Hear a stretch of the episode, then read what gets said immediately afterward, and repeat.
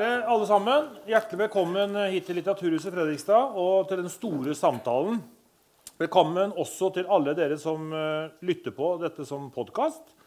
I dag skal vi snakke om og bore oss ned i uh, dette fascinerende temaet som, uh, som, kommer til å dominere overskriftene de neste tolv månedene, og sikkert enda lenger. Med meg på scenen her i dag så har jeg to av de beste kjennerne av amerikansk politikk. Hilde Restad, du er førsteamanuensis ved Bjørknes høgskole og har studert amerikansk politikk i en årrekke. Velkommen til deg. Takk.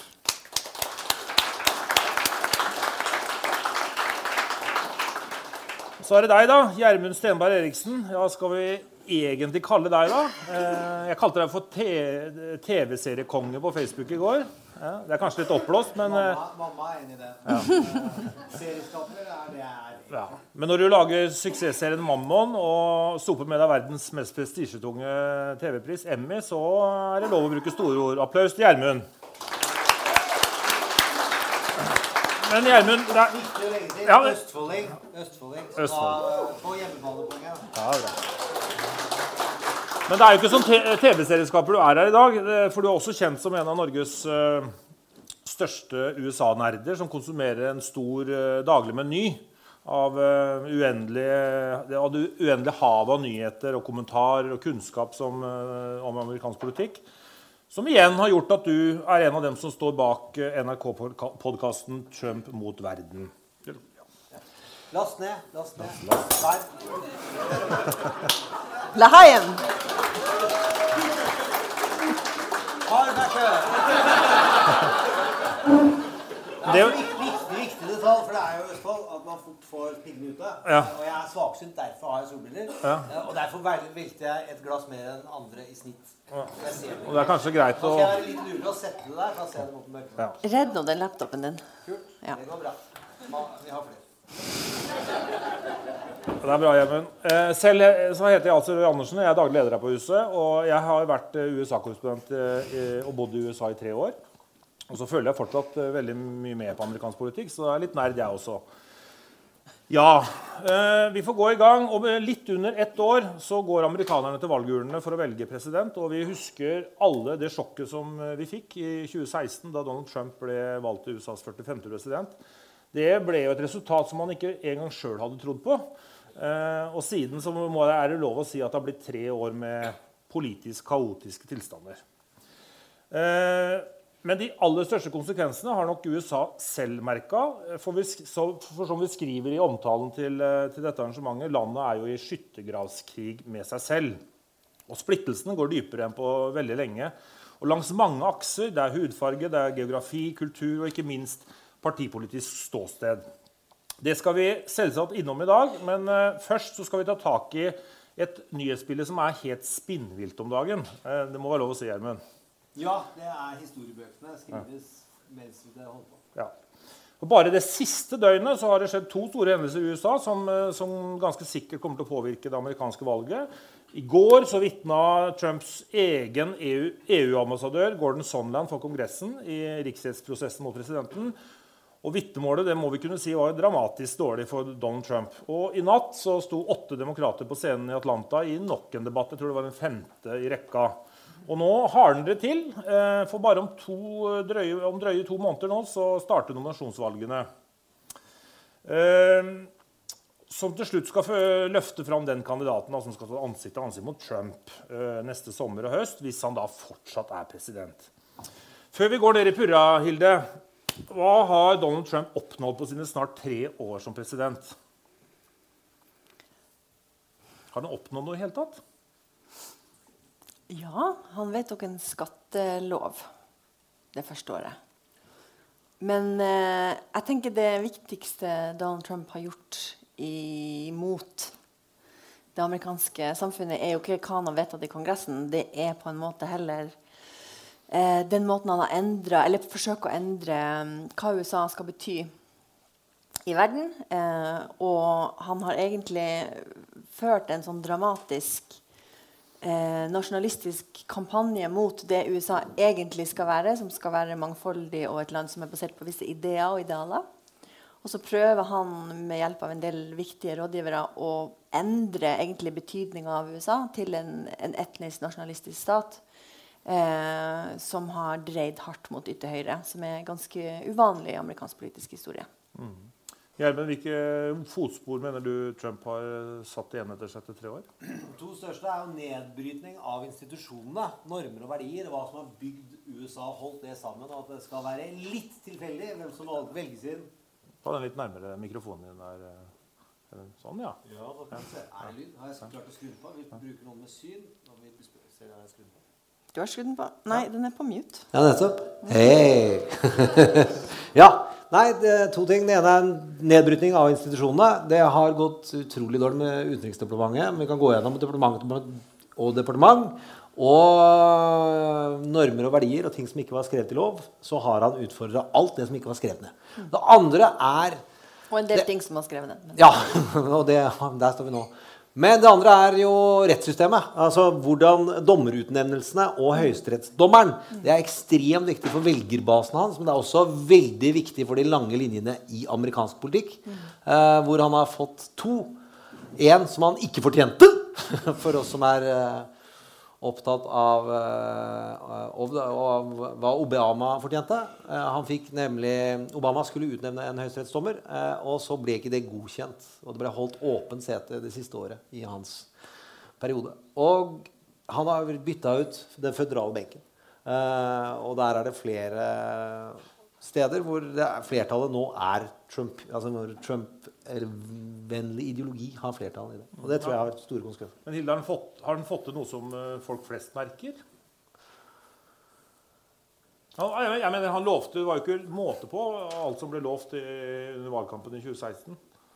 Ja, eh, han skulle jo få tilbake industri fra utlandet. Han skulle få amerikanske industrigiganter til å flytte tilbake til USA og, og på en måte gjenopprette den hvite arbeiderklassen i Midtvesten, for å være spesifikk.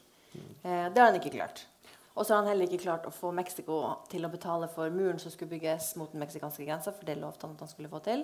Han har heller ikke klart å bygge muren i Colorado, som han sa på et tidspunkt. at han skulle bygge. Det er litt rart, for det grenser ikke mot Mexico. Krever geografikunnskap ja. Ja. Um, Helsevesenet skulle reformeres? Han, ja, og de skulle, um, de skulle, reversere og Hva heter repeal på norsk? Repeal and replace? Ja, Obamacare. Det har de ikke klart. Mm. Så det er, altså, den, eneste lo, den eneste store loven de har fått gjennom Kongressen, er skattekuttlovgivninga. Um, men det er det jo mange eh, i det republikanske partiet som er veldig glad for og mener at det er veldig viktig. Men det er veldig mange valgløfter han har ikke klart å holde. Men jeg mener jo at det, det er mye større bilde, og det er mye viktigere. Det handler jo om denne definisjonen av hva USA skal være, og hvem som får lov å være amerikanere. Mm. Og så er det det at det er ikke hans ære at økonomien går bra. Men det pleier presidenter å få æren for når det går bra. Så da, det, er, det er jo vondt å håpe på en resesjon før neste valg. Men det er nesten så vi trenger det. Jeg forstår jo det at, eh, at det, det, er det store bildet som, som, som teller. Men, men, velgerne de er nå opptatt av enkeltsaker. da, Så mm. det er klart at det blir jo lettere for demokratene å angripe nå. Eh, ja. neste år, når, det, når, han ikke, når, han ikke, har levert på sak etter sak. Ja. For, ikke, for, ikke, å glemme samferdsel. Var, ja. Han skulle jo bygge så mange veier. Det skulle være Infrastructure Week hver eneste uke de siste tre årene, men hver uke så ble det noe annet som ble viktigere. Mm. Så det har, eh, så sånn Målt mot de andre presidenter så har han fått til veldig lite. Er det lov å si det, Gjermund?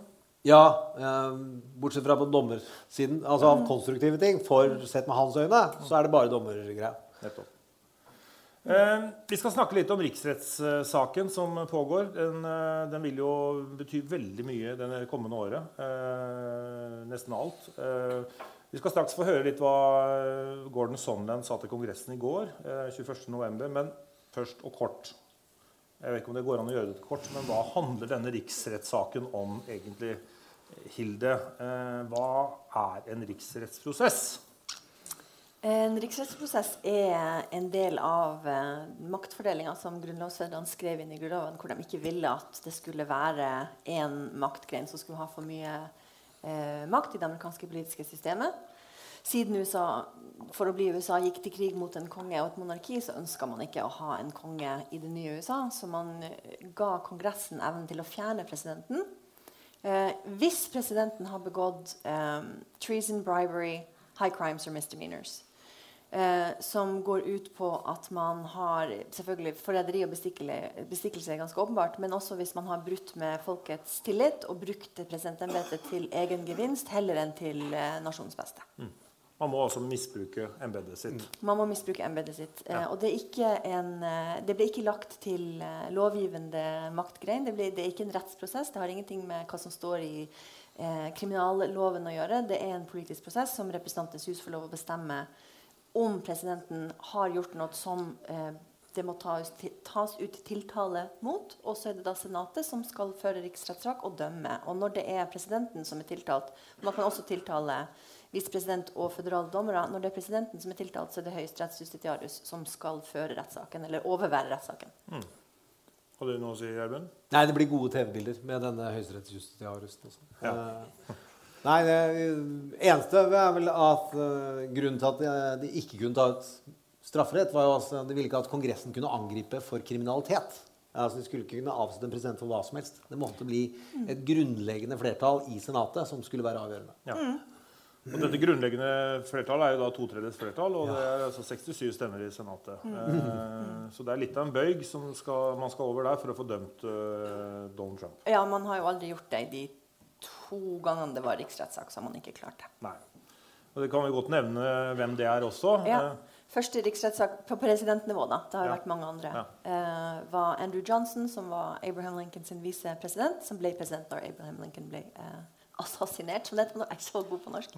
Mm. Eh, bra, bra jeg skriver bok på norsk om amerikansk politikk nå. Uh, jo, det var Andrew Johnson i 1868, Uh, og så var det da ville vært Richard Nixon uh, i 1974, men han trakk seg når det ble klart at det var den veien det gikk. Og så var det selvfølgelig Bill Clinton i 1998, og nå da antageligvis um, Donald Trump. Nettopp. Eh, og så må vi jo da inn på eh, selve saken. For eh, han har gjort noe galt her, åpenbart. Mener i hvert fall demokratene. Eh, og det er jo hva som har skjedd i, altså, i forholdet mellom eh, USA og Ukraina. Går det an å forklare dette veldig kort? eh, du kan prøve deg på den nå, du, Vilde. Jeg liker at du spør akademikeren om å si ting kort hele tida. Um, jo, jeg tror altså, eh, Bakteppet er egentlig det som eh, han Gjermund nevnte, som er at Donald Trump er en he helt uvanlig og unik president. fordi det er åpenbart at han ikke er opptatt av de normene som, har, som egentlig er viktige i det amerikanske politiske systemet. Eh, det så vi i, eh, i forbindelse med, med Russland-skandalen i 2016, hvor Mueller-rapporten fant at Trump-valgkampen faktisk ønska velkommen at Russland skulle blande seg inn i valget i 2016. Allerede der har man egentlig nok til å stille Trump for riksrett, men det har vært veldig kontroversielt. Eh, og Nancy Pelosi representantens hus har ikke ønska å gå til det steget. Da kom Ukraina-skandalen. som Når, når, man ser hva, hva som skjedde med Russland-skandalen, så er det ikke så overraskende at Ukraina-skandalen kom.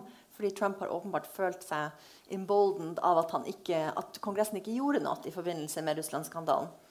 Så det som skjedde i Ukraina-skandalen, eh, som vi vet så langt, er at han har brukt, eller forsøkt å egentlig utpresse sin president eh, og få en offentlig kunngjøring fra Ukraina på at Ukraina skal etterforske Joe Biden, eh, som eh, Trump tror er hans eh, motkandidat i 2020, og Joe Biden sin sønn Hunter Biden, som satt i styret til et gasselskap i Ukraina som heter Burisma.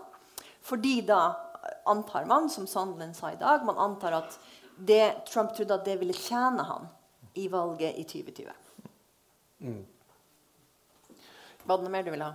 Nei? Jeg Du ser tror på meg det- Ja, jo, jeg tror- men på på hvilken måte har han pressa? Det er klart det er viktig å få fram. Ja, eh, han har eh, For det første så igjen det her med maktfordeling, som eh, de tre maktgrenene tar, tar veldig alvorlig. Kongressen hadde bevilga eh, militærhjelp, militærassistanse til Ukraina, fordi Ukraina For prøver å forsvare seg mot Russland for tida. Eh, så Ukraina hadde bevilga militærassistanse til Ukraina, som Trump stoppa. Eh, og sa til eh, Ukraina sin president eh, at vi, jeg forventer at du gjør det her hvis du ønsker visse ting fra USA. Og spesifikt også et, eh, han, så holdt han opp et sånt møte eh, mellom, et offentlig møte mellom Ukraina sin president og Trump som en sånn gulrot som han skulle få i belønning. Og da hører vi dette begrepet quid pro quo. Eh, og det må du forklare, Gjermund. Hva er dette? For det kommer vi til å høre på noen av videoene. En ting for en ting? Eller, nei, hva er det for noe? Ja, ja, det er gjenytelse. Hæ? Gjenytelse. Gjenytelse eller eh, utpressing, eller extortion, kan det også sies. At du gjør Or det, så får du det. Ja. Eller bribery, som de Som det står i Grunnloven. Som det står i, for, i Grunnloven. Ja. Jeg tenkte vi kunne bare se litt for det, altså Tidslinja her er jo interessant, og den kan være greit for dere publikum også å kjenne litt til. Mange av dere kan det helt sikkert, men, eh, men vi snakker jo om hva som har skjedd i sommer her. Eh, Jeg prøvde å sette det opp sånn kort. Det er jo I april så blir jo da Zelenskyj president i Ukraina. Eh, og så eh, begynner disse spekulasjonene om at det kan ha vært noe muffens med, Biden. Det begynner å slå rot i media. De får planta dette her i New York Times. Eh, og så, eh, og så eh, i juli så tar det fyr. Da skjer det masse på bak, bakrommet, hvor Hvite hus da møter Ukraina og legger fram denne ideen om, om denne etterforskningen da, som, som Zelenskyj skulle eh, kunngjøre. Eh, Og så fryser de støtta et sted mellom her. Vi får jo se om vi kommer til bunns i dette her når Kongressen nå skal grave videre. Eh, og så er denne famøse telefonsamtalen den finner sted 25.07. Eh, og så foregår det masse på bakrommet mellom her. Eh, og så kommer denne varslersaken, da. Fordi noen syns dette var å gå litt langt. Mm. Så her ble det altså en, en, en Noen som jobber for CIA. ja, en CIA-etterretningsoffiser som da varsler dette her til generalinspektøren, var det ikke det? I, i, ja. Og så um, Som Det hvite hus forsøker å holde hemmelig i tre uker før den blir sendt videre til Kongressen og etterretningskomiteen der. Og, og når saken eh, blir kjent, eh, i hvert fall i Kongressen, så virker det i hvert fall sånn eh, nå sett, eh, sett i bakspeilet at eh, Trump eh, har prøvd å dekke over dette her med å ringe til Sondland og, og, og si at ja, men vi, vi krevde ingenting. Det skal vi se etterpå også. Eh, og her er vi nå, da. Eh, her nederst. Så det har skjedd en del, men, men det er ikke så vanskelig narrativ å forstå, egentlig, Gjermund. Nei, jeg vil legge til Trump som eh, sin psykologi i hva er det han vil oppnå. Han vil vinne gjenvalg. Eh, og Donald har kriga hele livet sitt. Han har, eh, kall det subjektivt, men han juksa i ganske mange konkurranser eh, og er kjent for det. Blant, det er kommet en legendarisk bok i hvordan han jukser bare i golf. Notorisk jukser i golf. Selv med venner og kjendiser. Eh, eier ingen skam noe som helst sted. Men han vant det forrige valget med noen millimeter, og en av strategiene var å ha dette Hillarys e-mails og alltid ha noe å hakke på motstanderen med. Så når i den tidslinjen er det Donald og Giuliani og bestemmer seg for at vi trenger noe på Biden Og det begynte å ta form egentlig i desember, hvor Guliani Giuliani begynte å snakke i media om at det var noe i Ukraina. Og- og- Eh, og det er, så alt skal lages for at det har dette ankepunktet. Det er korrupsjon der. Dere sier at det er korrupsjon hos meg. Det er korrupsjon hos deg. Han er utrolig drittunge med at 'something hos me, something hos you'. you, you, you. Likt på begge sider. Og Rudy Giuliani er Er hans, eh, det er tidligere borgermester i New York. Når 11. september skjer, eh, da blir han kalt America's mayor. Hey, vi er så bra team. Ja. Og, og så er han fantastisk flink. Han er, har store ting det er å snakke om i hvordan han bekjempa kriminalitet. Og det var slemt mot en del folkegrupper. Merkelig nok de med farge. Eh, og slikt. Men han gjorde et stort og godt inntrykk. Og så trodde han at han skulle vinne neste eh, når han skulle stille som president, ved at han skulle komme seint inn i valgkampen. Og så var eh, glansen og magien over. Men han er altså. Trumps advokat. Var en trommel. Du vil ha den korte historien, ja. Det var rett. Det er veldig bra. Er Jeg driver med drama. Ok, Vi skal, vi skal høre på eh, Gordon Sondland. Han er ikke noen hvem som helst. Han er jo også Trumps sin, sin egen, eh, sin egen Altså han er Trumps eh, Trump-utnevnt EU-ambassadør. Eh, Via å gi 1 million dollar til kampanjen hans. Ja. Det kan vi synes er litt surt, men eh, han som var her og besøkte Fredrikstad med fotoutstillingen til han VG-journalisten, han fikk jo sin ambassadejobb fordi han ga penger til Obama. ja. Det er en veldig vanlig praksis i USA, som Elizabeth Warren sier hun vil få slutt på. Det må jeg si jeg er enig med henne i. Og, og Gordon Sondland han, eh, Det var jo mange av republikanerne må jeg si, i går som hadde trodd at han skulle på en måte redde Trump litt. Men det gjorde han da ikke, og det skal vi se her. Eh, ikke på noen måte eh, gjorde han det. As I testified previously, Mr. Giuliani's requests were a quid pro quo for arranging a White House visit for President Zelensky. Mr. Giuliani demanded that Ukraine make a public statement announcing the investigations of the 2016 election DNC server and Burisma. Mr. Giuliani was expressing the desires of the President of the United States, and we knew these investigations were important to the President. Ja.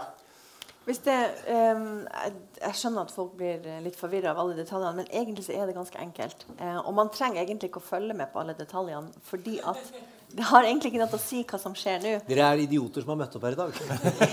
Nei, men det, det viktigste som, eh, som har skjedd, er at Donald Trump ba et annet land om å gå etter hans politiske motkandidat i valget i 2020. Det er det som er viktig. Det er det som er riksrettssak verdig. Og alle detaljene som kommer frem nå, er jo da uheldigvis for Donald Trump sånn at alle de, alle eh, de ulike vitnene, folk som har jobba foran, folk som han rekrutterte, bekrefter denne historien fra ulike hold. Og vektskål, vektskål. Nixon brøt seg inn i et lite valglokale via noen skurker for å se i noen papirer. Donald eh, tar og holder tilbake humanitærhjelp og militærhjelp i et land som er angrepet av deres største motstander, slik at folk dør og lider nød eh, for å vinne valg. Men for dem som st- fulgte med på Russland-skandalen og Mueller-rapporten, så er ikke det noe overraskende at han skulle gjøre det. Han, eh, den telefonsamtalen han tok, som sto i tidslinja, den tok han dagen etter at Møller sa at ja, vi kan ikke tiltale han for samarbeid med Russland. Så Men- det var, med enorm selvtillit. Men, men Hilde sier at det betyr egentlig ikke noe. Men du er ikke helt enig i det, Gjermund? Fordi du mener at disse vitnemålene vi nå får se på live på TV, og, og all, hele bøsset rundt, det er viktig for hva? Men eh, du er statsviter og har det perspektivet. Jeg Jo, men vi er ikke uenige. Men, Ja. Mitt poeng er bare at man kunne ha tiltalt han allerede. Men, men, Ja. men så er da poenget er jo da the public, eh, altså det politiske spillet og, og meningsmålinger. Og det er derfor de har altså de har allerede Alt det som sies nå i Kongressen, som ble sagt i den forrige uka og denne uka i de offentlige høringene, det vet allerede eh, representantene i Representantenes hus. For de har hatt eh, høringer bak lukkede dører. Nå handler det om at det amerikanske folket skal få vite om det her, sånn at de håper å flytte folkeopinionen. For meg så er amerikansk politikk viktig fordi det er verdens mest spennende fotballkamp. Og det, det er ikke 90 minutter. Det er hver uke, hver dag, så er det noens karrierer som kommer til, og noen som blir knust, og noen som vokser opp. Eh, og det spillet nå handler om, er om Donald skal bli gjenvalgt eller ikke. Og hver eneste dag han går i minus, for det er så utrolig jevnt om han vinner eller taper neste år, eh, så er det å svekke han. Eh, og det, da syns jeg det å følge Nancy Pelosis og de strategenes utrulling av denne skandalen Hvor mye smerte kan de påføre Donalds folk? Eh, for det kommer ikke til å være slik at han blir dømt i Senatet. Med god margin, hvis ikke det kommer inn en utrolig rar bowlingkule vi ikke kjenner til i dette spillet. Det Men, det, men det, det handler ikke bare om det. Det handler også om eh, de ulike rollene til de tre maktgrenene, og at Kongressen er historisk sett opptatt av å balansere mot utøvende makt. Og at det er Nancy Pelosi sin jobb er passe på de her normene. Det er, også, det er jeg ekstremt enig i. Det hadde vært uanstendig hvis hun ikke hadde gjort det her. Ja. Så Om hun da hadde tapt på det, så hadde det ikke kledd henne historisk. Så nå pågår det altså en, eh, en slags høring i Kongressen som da skal lede fram til en avstemming i Representantenes hus hvorvidt eh, Donald Trump skal stilles for riks riksrett eller ikke. For hvilke tiltalepunkter? Ja. Altså de, og hvilke tiltalepunkter. Det er justiskomiteen som skal eh, fremlegge deres forslag til tiltalepunkt, og så skal hele Representantenes hus stemme på hvilken de vil legge frem. Nettopp. Og så sendes saken over til Senatet. Ja. Og der er det jo ikke demokratene som har flertall, der er det republikanerne. Og der som vi sa i stad, der må du ha altså 67 stemmer for å dømme. To eh, tredjedels flertall. to flertall. Og det betyr vel i praksis at 20 republikanske senatorer er nødt til å bytte side eh, og stemme sammen med de, demokratene. Hvor store er sjansene for at det eh, skal skje? Det er snøballens sjanse i helvete. har- Eh, det og det er en ja. liten sjanse! Altså, det er ikke, altså, Å, det er den kommer inn, så er det jo Og så hvis all flamme går bort, og helvete plutselig blir kaldt Men Men nei, det har aldri skjedd i amerikansk historie. Og det er veldig liten sjanse for at det skal skje nå. Til- Selv om det kan godt være at en del republikanske senatorer ser seg nødt til å stemme for å dømme han fordi at de ser at i deres delstater så har opinionen beveget seg mot han. Men at det er 20 senatorer som opplever det i sine hjemstater, er usannsynlig. Ja. Bare, ja. Nei, det er usannsynlig. Det, det er i uinteressante små Ja. prosentpoengssjans. Ifølge Nate Silver så ligger det mellom 15 og 17. Eh, Ja. For to uker siden var da de snakka om det sist. Men- Men, men- det er utrolig liten sjanse. Men én ting har jeg lært meg da, eh, etter å ha bomma en del ganger. Og det Ja. er å aldri spå om noe som helst i amerikansk politikk. For her kan alt skje. Og det kan komme fram ting i denne saken her som gjør at eh, opinionen faktisk snur seg. Og Men, da vi, er vi i en annen situasjon. men vi kommer tilbake til på slutten av sendinga hvorfor det er usannsynlig. Men jeg, derfor siterer jeg alltid Nate Silver, så er det hans skyld i det minste. Eh, hvor solid støtte har Donald Trump eh, der ute blant velgerne? Jeg kan begynne med deg, Hilde. Eh, Han, altså, han er jo historisk upopulær som president. Han er jo den eneste presidenten siden man begynte å måle som aldri har duppa over 50 %-grensa. Men samtidig så har han liksom også et sånn ganske høyt uh, gulv. da. Uh, så det virker som om han sånn mellom 30 og 40 eh, av velgerne står last og brast med Donald Trump. Og det er jo ikke 50% men det er jo en betydelig andel. Og dem eh, er kanskje ikke så interessert i hva som man får høre om i Kongressen. På en annen side så er det styrken på stammekulturen, altså the tribe. Basen til, Donald, basen til Donald er det Donald som bestemmer over nå. Og vi har ikke så mange målinger som går i hvor dypt stikker relasjonen. Eh, så den republikanske basen er jo trent opp til å svare på målinger, og de er utrolig lojale. Økonomien er forferdelig dårlig under Barack Obama, og fra en dag til en annen så er økonomien bra. Fordi de er trent opp i hvordan målesystemet Og at dette er en fotballkamp for dem også. Eh, og Donald har fram til nå hatt en mye sterkere kontroll på basen enn det vi har sett eh, Eller hvor man har hele tiden har spådd nå ryker det, nå ryker det, nå går det nedover, nå går det nedover. Det har vært vilt stabilt. Eh, men det er noen tegn på i noen delstater at det ikke sitter så godt. Så det er vel Louisiana forrige Men hvem er disse velgerne? Hvem er disse lojale velgerne? Går det an å sette en merkelapp på det? Ja, det er hovedsakelig hvite velgere uten høyere utdanning. Mer menn enn kvinner, men, også, men også hvite kvinnelige velgere uten høyere utdanning. Det er det som er basen til Trump. Ja. Religiøse. Vi skal Og høre hvordan eh, Donald Trump eh, svarte på angrepene fra eh, Gordon Sondland her. Eh, og her refererer han da til en samtale som han skal ha hatt med Sondland. Eh, og dette er da etter at de har blitt tatt med buksene nede. Det er viktig å få... Og etter at Sondland har sagt var quid pro quo. Ja. Så her har dere den amerikanske presidenten i fridressur. Uh, I'm going to go very quickly, just a quick comment on what's going on in terms of testimony with Ambassador Sondland. And I just noticed one thing, and I would say that means it's all over. What do you want from Ukraine? He asks me, screaming. What do you want from Ukraine? I keep hearing all these different ideas and theories. This is Ambassador Sondland speaking to me. Just happened. To which I turned off the television.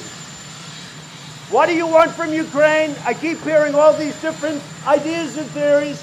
What do you want? What do you want? It was a very short and abrupt conversation that he had with me. They said he was not in a good mood. I'm always in a good mood. I don't know what that is. he just said, now he's talking about what my response. So he's going, what do you want? What do you want? I hear all these theories. What do you want? Right? And now, here's my response that he gave. Just gave. Ready? You have the cameras rolling? I want nothing. That's what I want from Ukraine. That's what I said. I want nothing. I said it twice. So he goes, he asked me the question, what do you want? I keep hearing all these things. What do you want? He finally gets me. I don't know him very well. I have not spoken to him much. This is not a man I know well. Seems like så it. videre og så videre. Ja. Eh, og det er jo eh, Ja, og der er vi. Eh, Nei, men Det viktige var det, du, det poenget du sa i stad, når du snakket om litt før. At det skjer jo Den eh, telefonsamtalen skjer etter at det har kommet ut at han har drevet med quid Broco. Den samtalen hvor han ber Sandland ring til meg nå, så skal jeg si helt tydelig fra. Men det er etter at buksene er tatt nede. Det er tatt bilder av det, eh, osv. Ja. Så, um, men det er klart det er jo interessant, da, for nå er jo, dette henger jo som du sier, Hilde, litt sammen med Russland-skandalen også. Eh, og Jeg lagde dette bildet i stad fordi eh, det, det, viser jo liksom hvor dypt dette faktisk stikker. Dette er liksom ikke noe, det er, ikke noe småtteri, dette her. Dette er altså seks av Trumps nære medarbeidere som nå er dømt i føderale domstoler. Eh, du kan jo fortelle litt om, om, om det store bildet her. Ja, altså det, Jeg blir så utrolig frustrert når amerikanske velgere sier nei, men sånn er det nå. Alle politikere er korrupt, og this is business as usual. Det er jo ikke det. Det her har, no, har aldri skjedd før i moderne amerikansk historie. At så mange av presidentens nære rådgivere og valgkampdirektør havner i fengsel. Uh, it's not normal. Um, og det sier veldig mye om uh, hvilke personer Donald Trump omgir seg med. Og han har omgitt seg med folk, uh, spesifikt Paul Manafort og Roger Stone, som har hatt uh, kontakt med ulike aktører som har ønska på vegne av Russland å hjelpe Donald Trump i valget i 2016. Og det er jo ekstremt viktig. Roger, Roger Stone har nå blitt funnet skyldig på alle tiltalepunkt fordi at han hadde noen form for eh, assosiasjon med Wikileaks mm. og eh, deres lekkasjer av de her infamøse e-postene til Hillary Clinton og demokratiske partiet i 2016. Mm.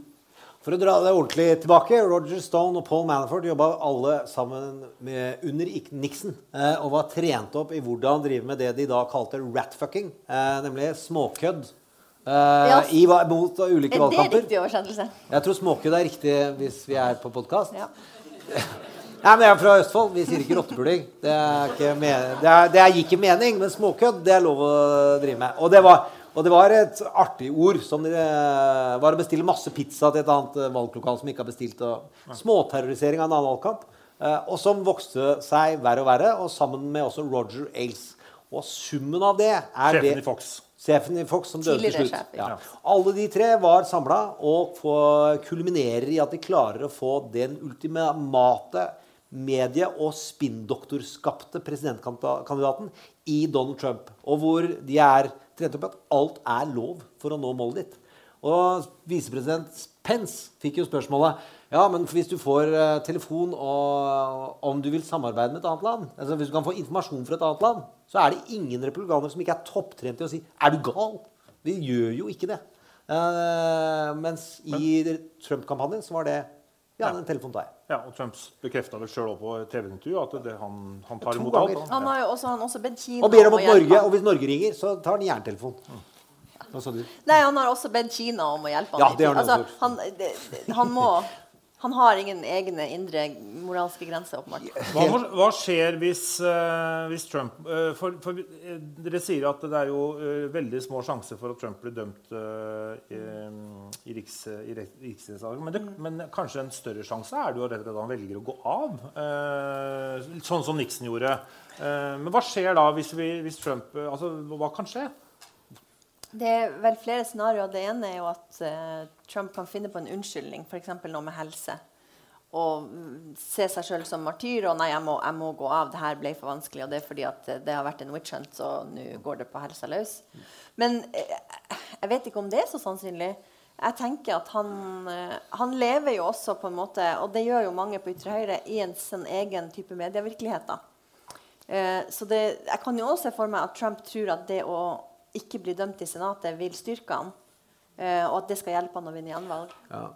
Selv om jeg tror ikke at det, det, det, det, som vil Jeg tror ikke det vil styrke han. All den informasjonen som kommer ut nå, om han ikke skulle bli dømt i Senatet, så er det jo fortsatt uh, veldig uheldig informasjon som kommer ut. To. Siste, jeg, jeg, jeg må bare, vi må litt videre her nå, men jeg må nesten spørre deg. Tror du Russland og Putin tar sjansen på å hjelpe Trump en gang til? Ja, det er uh, ingenting de ønsker mer enn å skade og, uh, polarisere og fragmentere USA mer. Og det er ingen som har vist seg å ha det talentet som Donald har. Så må få lov å kommentere de ja. scenarioene. Ja, han kan spille offer. Og han kan spille uh, yeah, I choose not to run, som Seinfeld sa.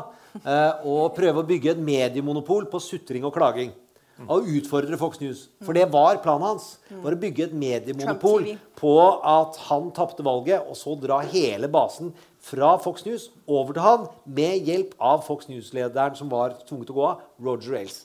Det scenarioet kan han få uansett, så han trenger ikke trekke seg før for å spille offer. Han kan uansett spille offer, for han trenger ikke den virkeligheten vi lever i. Han lever, i en, ikke han lever ikke i republikanernes virkelighet heller. Han lever i det selvbildet han har skapt. Og så prøver han å tjene penger på det. Eh, og det, jeg trodde lenge han ville trekke seg. Og det har jeg slutta å håpe på. Vi skal videre. Vi skal snakke litt om uh, det som uh, det som uansett kommer til å skje, nemlig at det blir et valg. Eh, og det eh, Da må vi hoppe litt på den andre siden. Eh, Trump er jo en mester i å få alt til å handle om seg selv. Eh, men eh, det, er, det foregår noe annet i Amerika også. Eh, Dette er de åtte demokratiske kandidatene som var i, på scenen i natt i Atlanta. Eh, og så er det vel et par andre også som eh, er med. Ikke minst eh, også en tidligere New York-borgermester, nemlig Michael Bloomberg, som har meldt seg på nå. Kanskje. Kanskje. Kanskje. Han har meldt seg på ett eller to noen delstater. Men, eh, men dette, er, dette er topplaget, da, får vi kunne kalle det. Uh, og dere ser jo alle navnene her. Uh, og, og vi skal se litt om hvordan det ligger an. For det, det er jo litt interessant uh, å se på, på, på hva som har stått her nå. Eh, jeg vet ikke, Hilde, hva slags mavefølelse har du nå overfor demokratenes sjanse i eh, presidentvalget neste år? Er det veldig avhengig av hvem de velger, eller, eller Eh, akkurat sånn, ja. Um, egentlig burde det jo ikke ha noe å si hvem de nominerer, når Donald Trump så åpenbart mm. er u ikke skikka til å være president. Men eh, så klarte han jo å vinne i 2016. Har du vunnet én gang, så kan du vinne igjen. Og en av de store X-faktorene, eh, selv om Trump da er historisk upopulær president, eh, selv om det kommer frem enormt skadelig informasjon om han, eh, så er det jo en, en veldig stor X-faktor er det her med utenlandsk innblanding i 2020, som, vi, som, som Trump-administrasjonen og eh, republikanerne i Senatet ikke har ønska å prøve å forhindre. For det har vært, altså det nasjonale sikkerhetsmiljøet i USA og demokratene driver jo hele tida og roper etter lovgivning og eh, prosedyrer som skal sikre mot en ny 2016. Det har ikke Trump-administrasjonen eller republikanerne i Senatet vært interessert i. Så USA går på en måte inn i 2020 akkurat like uforberedt som de var i 2016. Eh, så det er en stor X-faktor. Så Trump kan vinne på nytt. Um, men den store diskusjonen i det, i det demokratiske partiet er selvfølgelig er det sånn at vi må på en måte stemme på den mest uh, ufarlige av kandidatene enn Joe Biden, the beloved vice president of Obama? Eller skal, er, det liksom, er det på tide å være bold og gå for big change og ta en uh, progressiv kandidat som Elizabeth Warren, eller en sosialist som Bernie Sanders? Og da er Sosialdemokrat. Mm, is he though? Jeg tror Elizabeth Warren er sosialdemokrat. Bernie Sanders tror jeg er litt um, Han sier ja. sjøl at han er sosialdemokrat. Han, Men- nei, ja, anyway, back, okay. we can, den tar vi etterpå. Så- litt mer vin.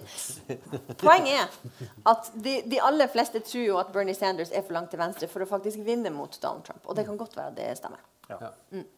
Nå pågår det altså en nominasjonskamp. Det gjør det egentlig også i det, det eh, republikanske partiet. Vi skal se litt på det etterpå også, bare sveipe kort innom. Eh, men eh, eh, vi kan, altså det, det er ikke mer enn Det er vel slutten av januar som det er eh, det første nominasjons... 3. februar. Ja, 3. februar. Eh, og det er i Iowa. Ikke, en, eh, ikke en, akkurat en stor stat, men den er en veldig viktig stat i, i valgsammenheng. Og Der skal det ikke være et valg, et tradisjonelt valg hvor folk putter stemmen ned i et urne. Det de har en annen valgordning her som heter caucus. Kan ikke du forklare hva, den, hva en caucus er for noe, eh, Hilde? Ja, ok, så vi har I nominasjonsprosedyrene har vi valg, valgmøter, som er caucus, og så har du vanlig nominasjonsvalg, som bare folk går og bare stemmer. Så caucus er egentlig bare et sånn valgmøte hvor du skal møte opp og eh, det er et partimøte, det er en del saker du skal ta deg av. Og så er det egentlig en sånn eh, diskusjon mellom de ulike representantene til de ulike kandidatene. Og så skal man liksom gå og stille seg i ulike hjørner. Og er du i Warren sitt hjørne eller Sanders sitt hjørne? Og så driver man, ikke sant.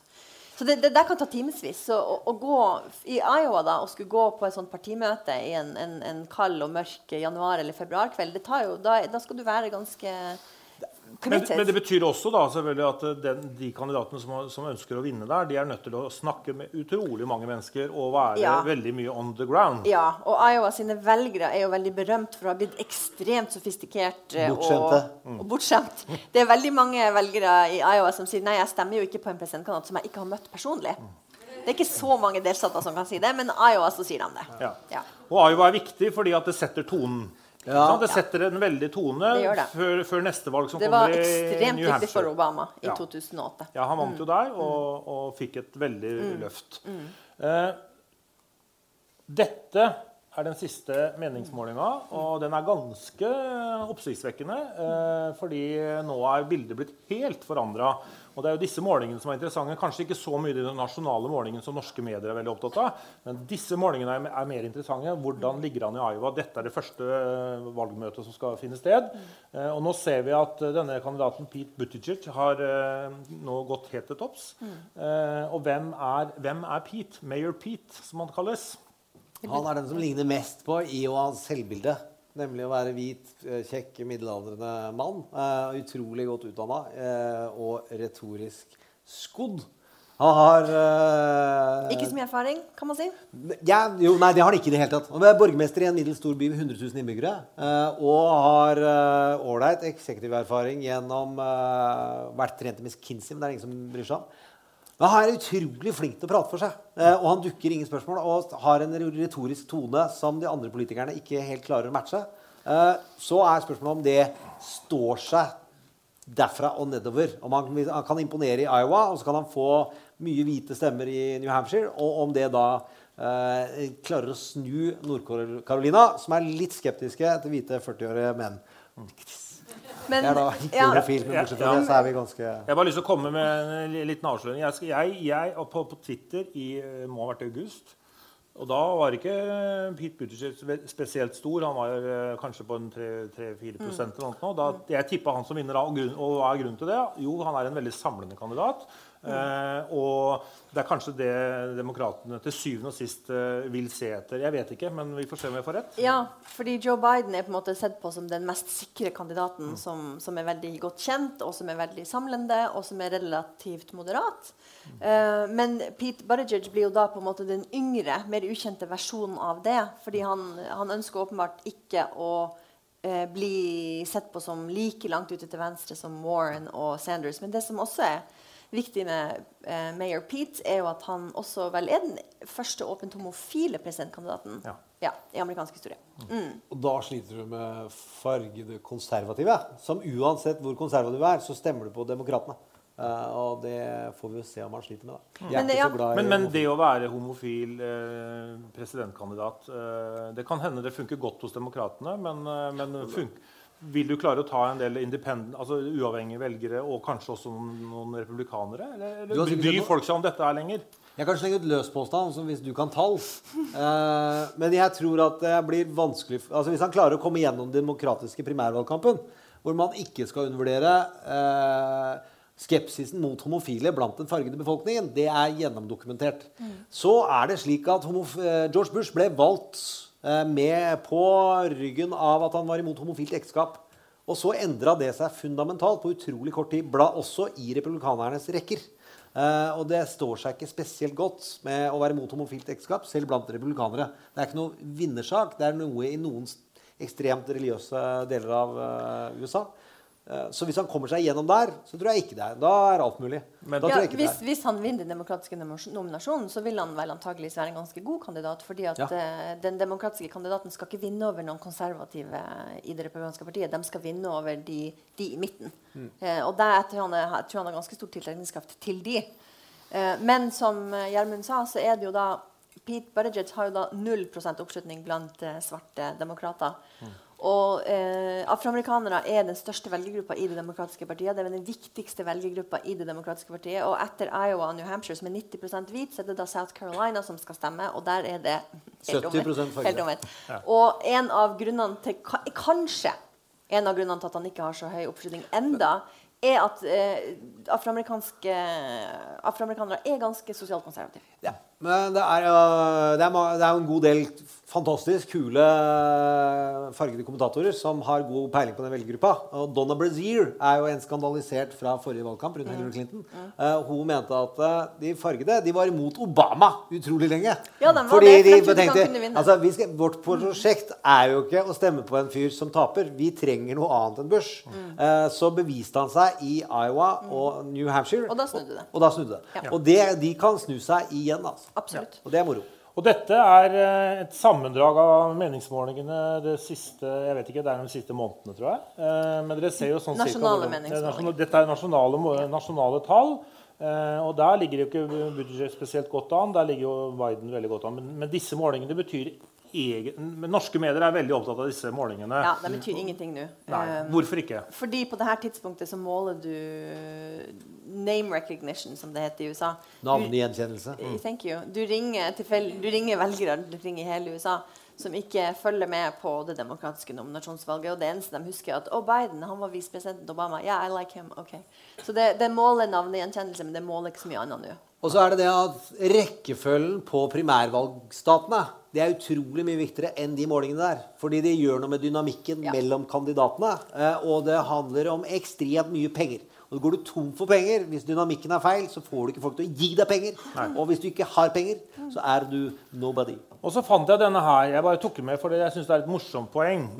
Fordi den er fra 91. Eh, og dere husker hvem som ble president året etter, eh, nemlig Bill Clinton. Eh, og dette var situasjonen i, i eh, ja, og dette var da helt fram til sommeren. Eh, Så var Bill Clinton en fullstendig ukjent kandidat. Eh, så det er, det er klart at det er ikke noe, nødvendigvis noe, noe sjakktrekk å, å bli for stor og, og, og lede meningsmålingene på sommeren eh, året før.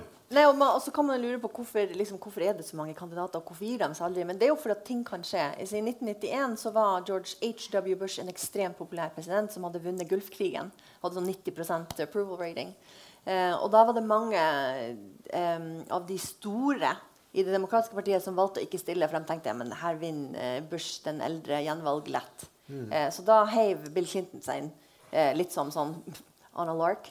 Um, og 1992 er for øvrig det eneste året, tror jeg, siden 70-tallet hvor eh, den som ble presidentkandidat i Det demokratiske partiet, vant verken Iowa eller New Hampshire. Og han var the seventh dwarf av sju dverger. Som, det er en fantastisk dokumentar som følger Bill Clinton. Og det, han fikk da det sjuende beste dokumentarteamet òg. Eh, som ble det en bra dokumentar. For det, alle, da kom digitalkameraene, og så kunne du reise ut og følge. Og det var mye billigere å lage dokumentar.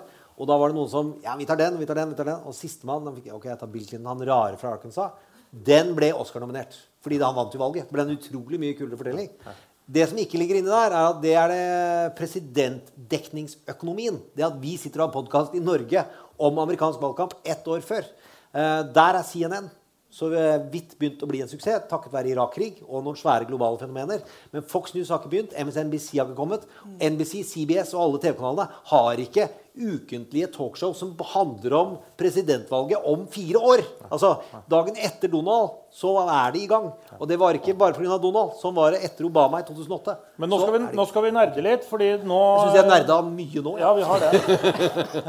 Men, eh, men, det, men det, dette er kartet som avgjør presidentvalget neste år. Det er det ingen tvil om. Og, det, og, og jeg, jeg går ut fra at de fleste her er kjent med dette valgsystemet som er i USA, med valgmannsstemmer. Det er jo altså ikke prosentene som avgjør, egentlig. eh, For da ville Hillary Clinton vært president i dag. Hun vant jo med 2 eh, mer eh, Hun vant med nesten 3 millioner flere stemmer enn Donald Trump. ja. Men fordi eh, hver delstat er da, har da, da fått tildelt eh, x antall valgmannsstemmer eh, i, i forhold til hvor mange innbyggere de har, Ja. eh, så, eh, så betyr det at eh, man må vinne man må vinne 270 valgmannsstemmer. Gjermund, Hva? skulle du si noe? Nei, jeg bare husker ikke om det var det kan, Greit. Nei, det er noe matte inni der som jeg ikke Nei, men det er altså to, tre, tre, 538 valgmannsstemmer, og du må ha altså 270. Har du det, så blir du president i Amerika. Eh, og dette var tallene fra, fra 2016. Da vant Donald Trump med 306 mot 232. Det betyr at Donald Trump han kan miste Han tåler å miste 36 valgmannsstemmer. Eh, og dere ser her nede hvilke stater nå som er i spill. Eh, de siste Målingene nå viser at det er Og det er akkurat nesten de samme statene som forrige gang. Det er eh, sånn sett ikke noen, noen forandring. Eh, men det er klart eh, Det er jo verdt å nevne her at eh, det er jo Han har jo nesten ikke noe å gå på. Eh, og hvorfor det? Fordi han vinner Florida med 112 000 stemmer eh, i 2016. Han vinner Pennsylvania, som dere ser her, med 20 valgmannsstemmer. Vinner med 44 000 stemmer. Eh, han vinner Wisconsin med 22 000 stemmer, og han vinner Michigan med 10 000 stemmer. Det er ikke mye. Kan du legge sammen de tre siste, bare sånn at jeg får det tallet riktig? De tre siste. 77 000. Det er 77, ikke sant? Ja, Det var det vi snakka om? Ja. Ja. Nei, det er jo altså han- Og han hadde tapt hvis han hadde tapt de tre siste. Så han trengte Florida er jo bonus. Så han vant med 77 000 på tvers av tre delstater. Og så er det utrolig mange fly som flyr ut i Norge, USA, Frankrike, Nederland og Tyskland og sier 'Jeg visste at Donald vant'. Og det å vite at noen vinner med 70 000 stemmer i et land på 320 millioner det, det er greit å gni det inn at jeg kanskje kvelden før sa at Hillary vinner dette lett. Men jeg sa ikke at du vant sikkert. Eh, Det syns jeg er irriterende. Og eh, Det er derfor jeg syns det politiske spillet er så viktig. Det handler om å flytte 70 000 mennesker i et land på 320 millioner. Det er mulig. Det mener jeg. At det må være. Hilde, det er, er eh, Når vi nå hører at Trump begynner å slite med, med noen velgergrupper, jeg vet ikke om du kan si litt om det, eh, så begynner jo dette regnestykket å se ganske dårlig ut for han. Ja, altså bare for å forklare det da, Grunnen til at man kan være historisk upopulær og eh, tape med 2,8 millioner stemmer, er jo da pga.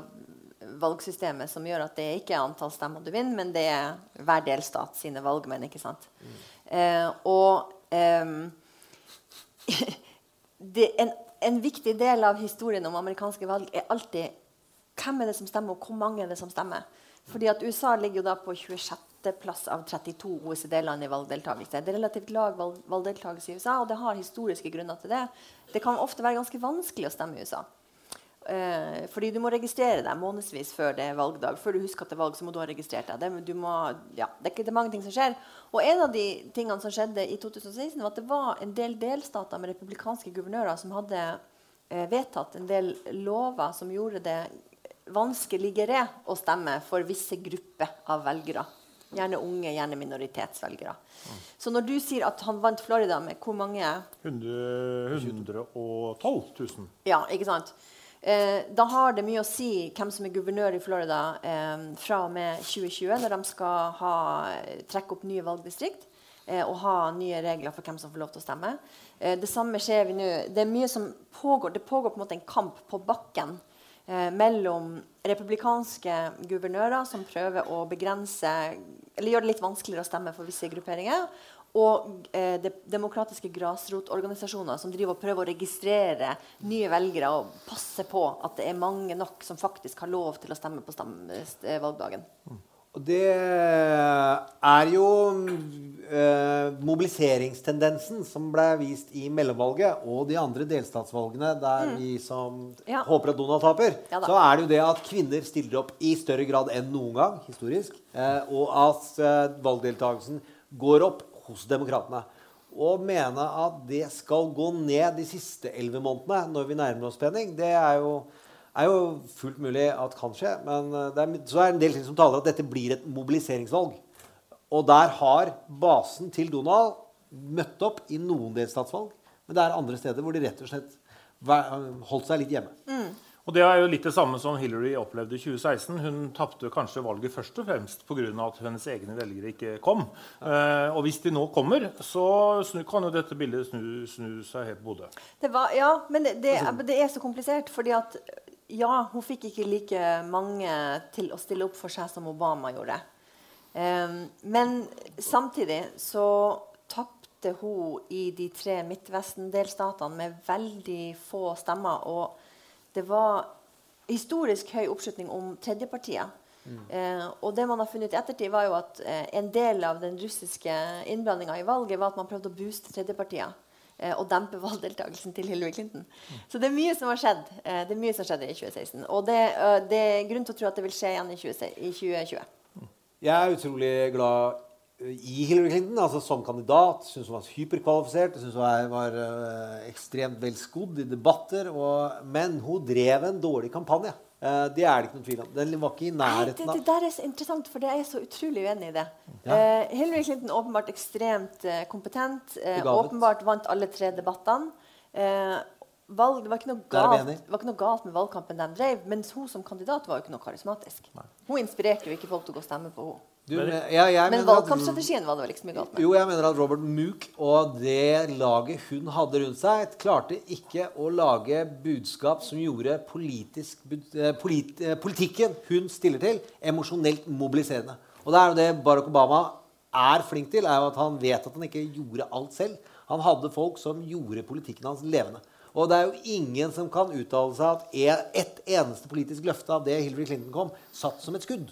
Men- vil jeg si, men- hvis vi skal ha litt debatt. Hvor- Ja, men man kan vel også argumentere for at det var ikke noe snakk om politikk i 2016. For det eneste media var interessert i, det var Donald Trump og eh, Hillarys e-mails. Og Ja, men det er Men så, nå, De betingelsene er jo gitt, da. Gjermund, nå skal vi holde oss til 2019. Eh, verdensøkonomien. Jeg må nesten spørre om den. Eh, fordi den, den Hent hvitvin. ja, og, og, og, og mange lurer jo kanskje på hvorfor dette er så viktig for, eh, for amerikanere.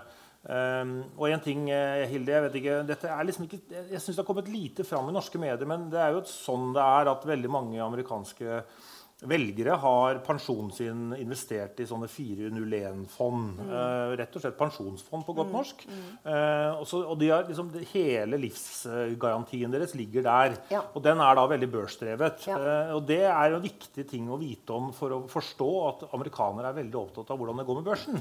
Ja. Eh, og, og det kan jo da bli Trumps redning eller fallgrube.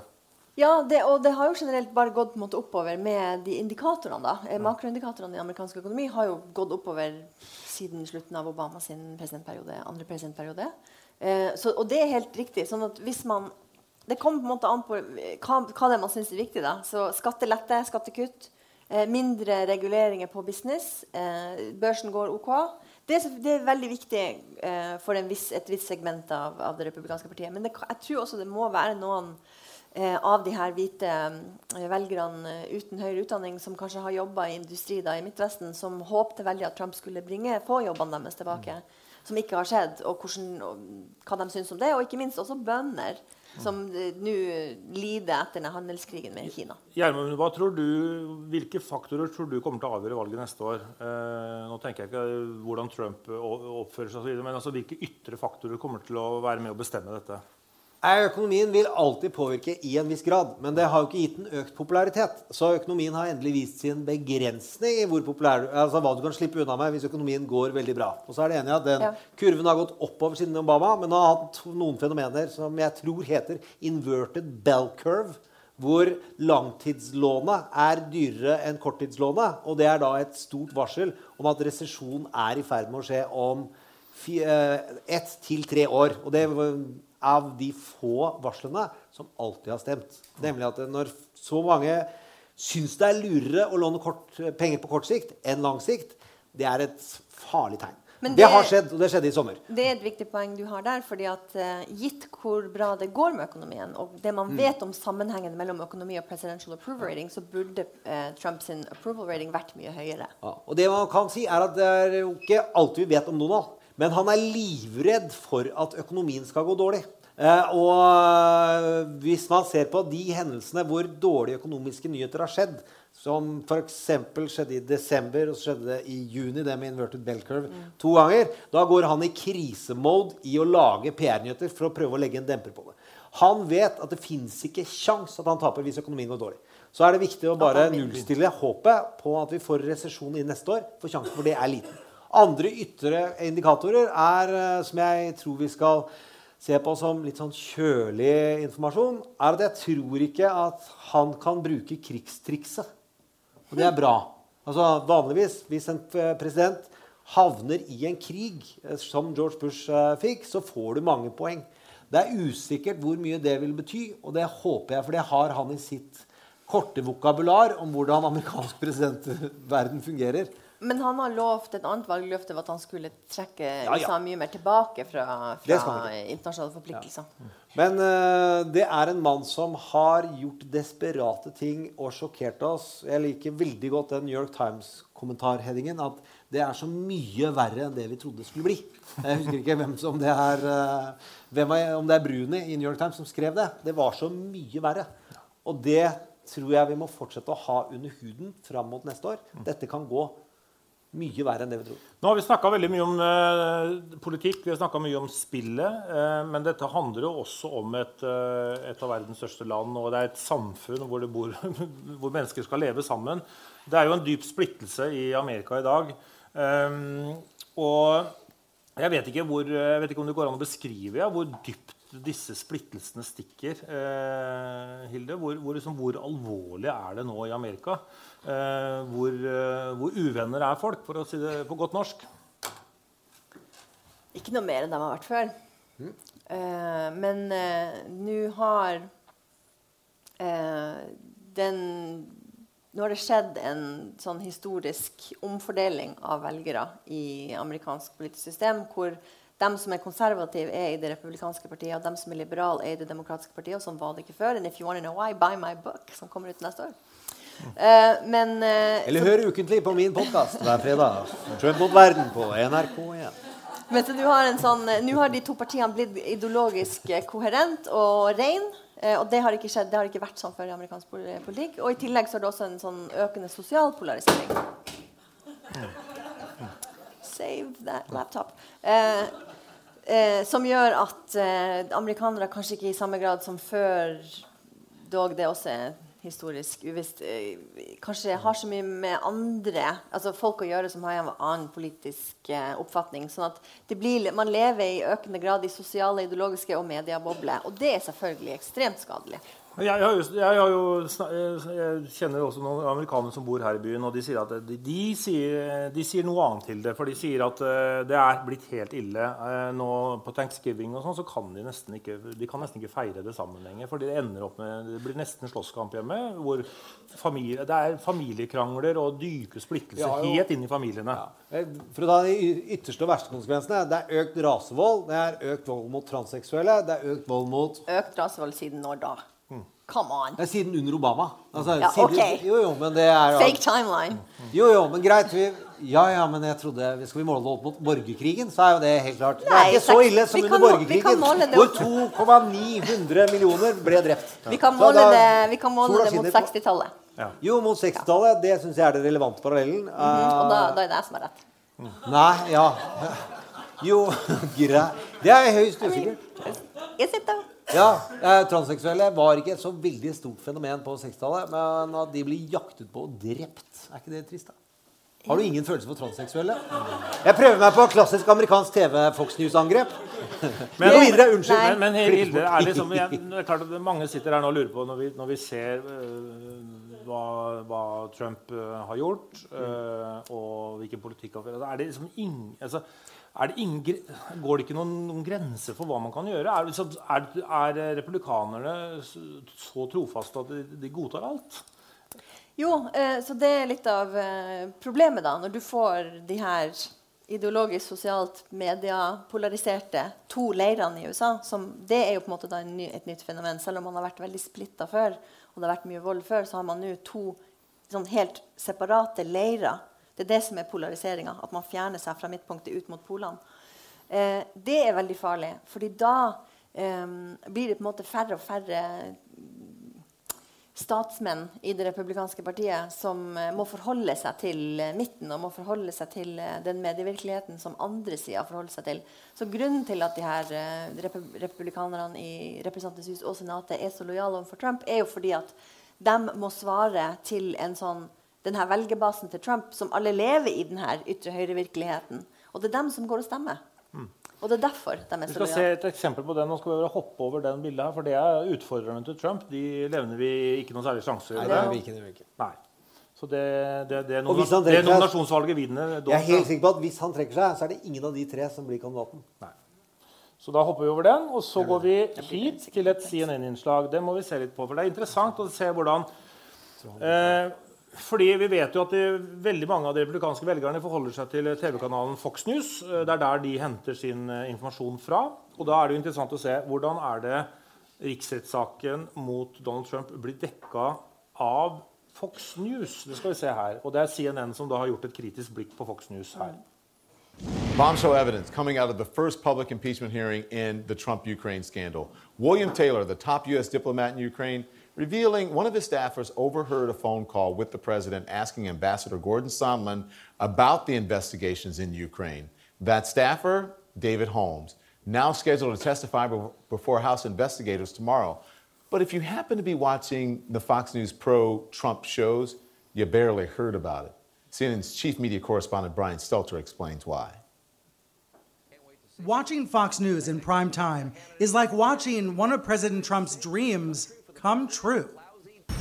So, day one of this impeachment farce, It was such a disaster. A triple fold disaster for the Democrats. a complete and utter disaster for Adam Schiff. But it was a Schiff show. Elsewhere, news outlets reported on the explosive testimony. But on Fox, the president won, the Democrats lost, and the show's over. Even though the impeachment hearings are really just beginning. It's boring. Flat out boring. And what about the witnesses? A bunch of professional nerds. two homeless guys. They look like people who sat by themselves at recess. It was kind of boring to watch on television. Veteran diplomats with impeccable credentials denigrated as homeless guys. Serious hearings dismissed as boring. That's how Fox World works. So it's no wonder why the president loves these shows. Well, the media went completely bonkers today. Bonkers for covering new revelations about Ukraine? Tucker Carlson and Sean Hannity both complained about that. They led the president's merry band of media defenders, telling Trump he's not in trouble. The Republicans had a great day all the way around. But Hannity also said the impeachment inquiry needs to be stopped right now. This circus, this sham, this charade, honestly, for the sake of the country, should be shut down immediately. A legal constitutional process being attacked as a circus. And also on the attack, Eric Trump. And no one was watching it. No one cares. No, this isn't going to change one person's mind. Three million people watched the hearing on Fox, and another 10 million plus watched on other channels. But the president's promoters don't let facts get in the way of a good fight. This is stupid.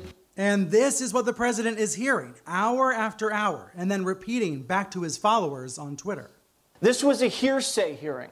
Today was a joke. Uh, it was a pub- public joke, which I'm happy. Stephanie Grisham picked up right where the TV talking heads left off. Everything was. It was all a sham, and it's going to be very easy for the rest of this week for us to fight back. and Fox will be there to make it even easier. Brian Would- Stelter joins me now. Ja. Along Hvor uh, Vi skal avslutte med den her. Men Hilde, hvor, uh, jeg må nesten spørre hvor uh, um, Hvor alvorlig er dette her for det amerikanske samfunnet at vi har fått en tilstand nå hvor, hvor, hvor dette er da denne, det, dette er nyhetsdekningen som, som nesten halve den amerikanske befolkningen forholder seg til? Ja, altså USA er jo på en måte en del av en sånn, et globalt fenomen akkurat nå så, som handler om eh, populisme, nasjonalisme og eh, en, u, en, en ikke faktadrevet medievirkelighet. Det er ekstremt eh, farlig, det er giftig for samfunnet. fordi at du kan ikke, du, Man kan ikke snakke med hverandre på thanksgiving. Fordi at man opererer ikke med de samme fakta. Det er et kjempeproblem, og det er selvfølgelig det forvitrer jo grunnlaget til det åpne og liberale demokratiet. Mm. Abonner på lokalavisene deres, folkens. It's important. Gjermund, hva tenker du? Jeg tenker at den mediepolariseringen er noe av den største og viktigste forklaringsfaktoren for hvorfor vi er der vi er i dag. Eh, og at eh, historisk sett så, så Roger Ailes, han som lagde Fox News, den muligheten mens han var under Nixon, og foreslo og pitcha, som det heter, la, la oss lage Republican TV. Og ble avspist, så fikk han ikke muligheten før i 1991.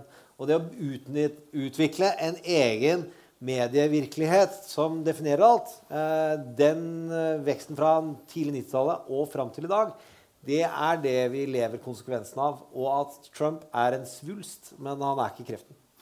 Eh, norske medier. De, Kjempesvulst. vi, de, de fleste her forholder seg jo til det vi får servert av norske medier. Hvor gode er de til å dekke det som skjer Spurte i den eh, tidligere VG sin utenriksjournalist i USA. Um, la meg først si at jeg er veldig glad i journalister. Og det er veldig viktig med en eh, objektiv og faktabasert media. Eh, men så leser ikke jeg norske journalister sin eh, dekning av amerikansk politikk, for den er ikke så veldig god. Nei. Hva gjør du, Gjermund?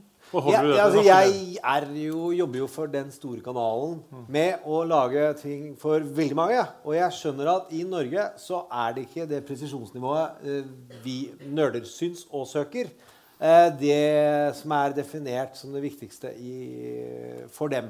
Eller for VG. eller noe sånt. Det er å gå for headlinene. Jeg synes den forsinkelsen på to-tre dager, at de skal diskutere om det er viktig eller ikke, eh, og så kommer det, det syns jeg de kan rydde opp i. Eh, men jeg syns de har blitt mye bedre. det må sies. Altså Tydeligvis så selger amerikansk politikk mye bedre enn før. Men hvis man skal lese norske journalister om amerikansk politikk, så må man lese de journalistene som er i USA, og rapportere derfra. Fordi det, det skal en viss kulturforståelse til for å forstå hva som skjer. Jeg vil også tilskrive de som har bodd her en del, eh, som jobber her. Ellers så er, ellers Er det deg? du- Nei, nei, kan, nei, det er ikke meg. Anne Klever, hvis du hører på. Jeg vet, elsker jeg vet at ikke du er spesielt glad i å, å, å tippe valget, Hilde. Jeg gjorde den feilen sjøl i 2016, og det gjorde sikkert mange andre også. Så vi skal, jeg skal ikke be deg om å tippe valget neste år, men jeg kan spørre deg om hvilke tendenser ser du? Nå er jeg på siste spørsmål her. hvilken tendenser ser du? Hvilke, hvilken vei blåser det? Eh, Hvordan tror du eh, at det var mest sannsynlig utfall av valget i 2020? Um, jeg, jeg, jeg har observert mye rart snakk rundt uh, spådommene i, i 2020. Og jeg tror at veldig mange ble så traumatisert av det overraskende resultatet i 2016, som også overraska Donald Trump. I would like to point out. Han trodde ikke sjøl han skulle vinne. Um, så tror jeg det har gjort det litt vanskelig for mange å tenke objektivt og analytisk om 2020. Fordi de fleste indikatorene peker mot at Trump taper gjenvalg, gitt en relativt normal demokratisk motstander. Han er historisk upopulær. Eh, han har veldig veldig, som du sa, veldig lite stemmer å gå på. Eh, han eh, har ikke klart å, å oppfylle mange valgløfter, um, etc., Et Men igjen, eh, når du har klart å vinne én gang, så kan du vinne en gang til. Og vi skal ikke glemme X-faktoren med utenlandsk eh, innflytelse. Stalltips, eh, Gjermund? Jeg, vil, eh, jeg bare ljuger og sier at jeg vil formulere meg kort. eh, og si at jeg vil komme med et spådom, eh, en analyse og et håp i ett ord, og det er kvinner. Eh, det er fullt mulig eh, at det er kvinner som vil avgjøre det valget. Eh, det betyr at mobiliseringen av kvinner blir viktigere enn noen gang. Kan være Der det er et håp, er jo at det blir en kvinnelig kandidat, og i hvert fall som visepresident. To menn på den ticketen, så tror jeg demokratene holder seg hjemme. Så det er ganske sikkert. Eh, og så er det da dessverre slik at all, ekstremt mange under, Jeg er enig i X-faktoren. Men veldig mange undervurderte hva det vil si å slåss med alle midler. Og det gjør Donald Trump. Det fins ingenting han ikke er villig til å gjøre, som han kan slippe unna med, som han, han vil gjøre. Og det må demokratene ta inn over seg. De kan ikke, de går inn i det som da kalles Hva kalles det igjen? Eh, usynkro...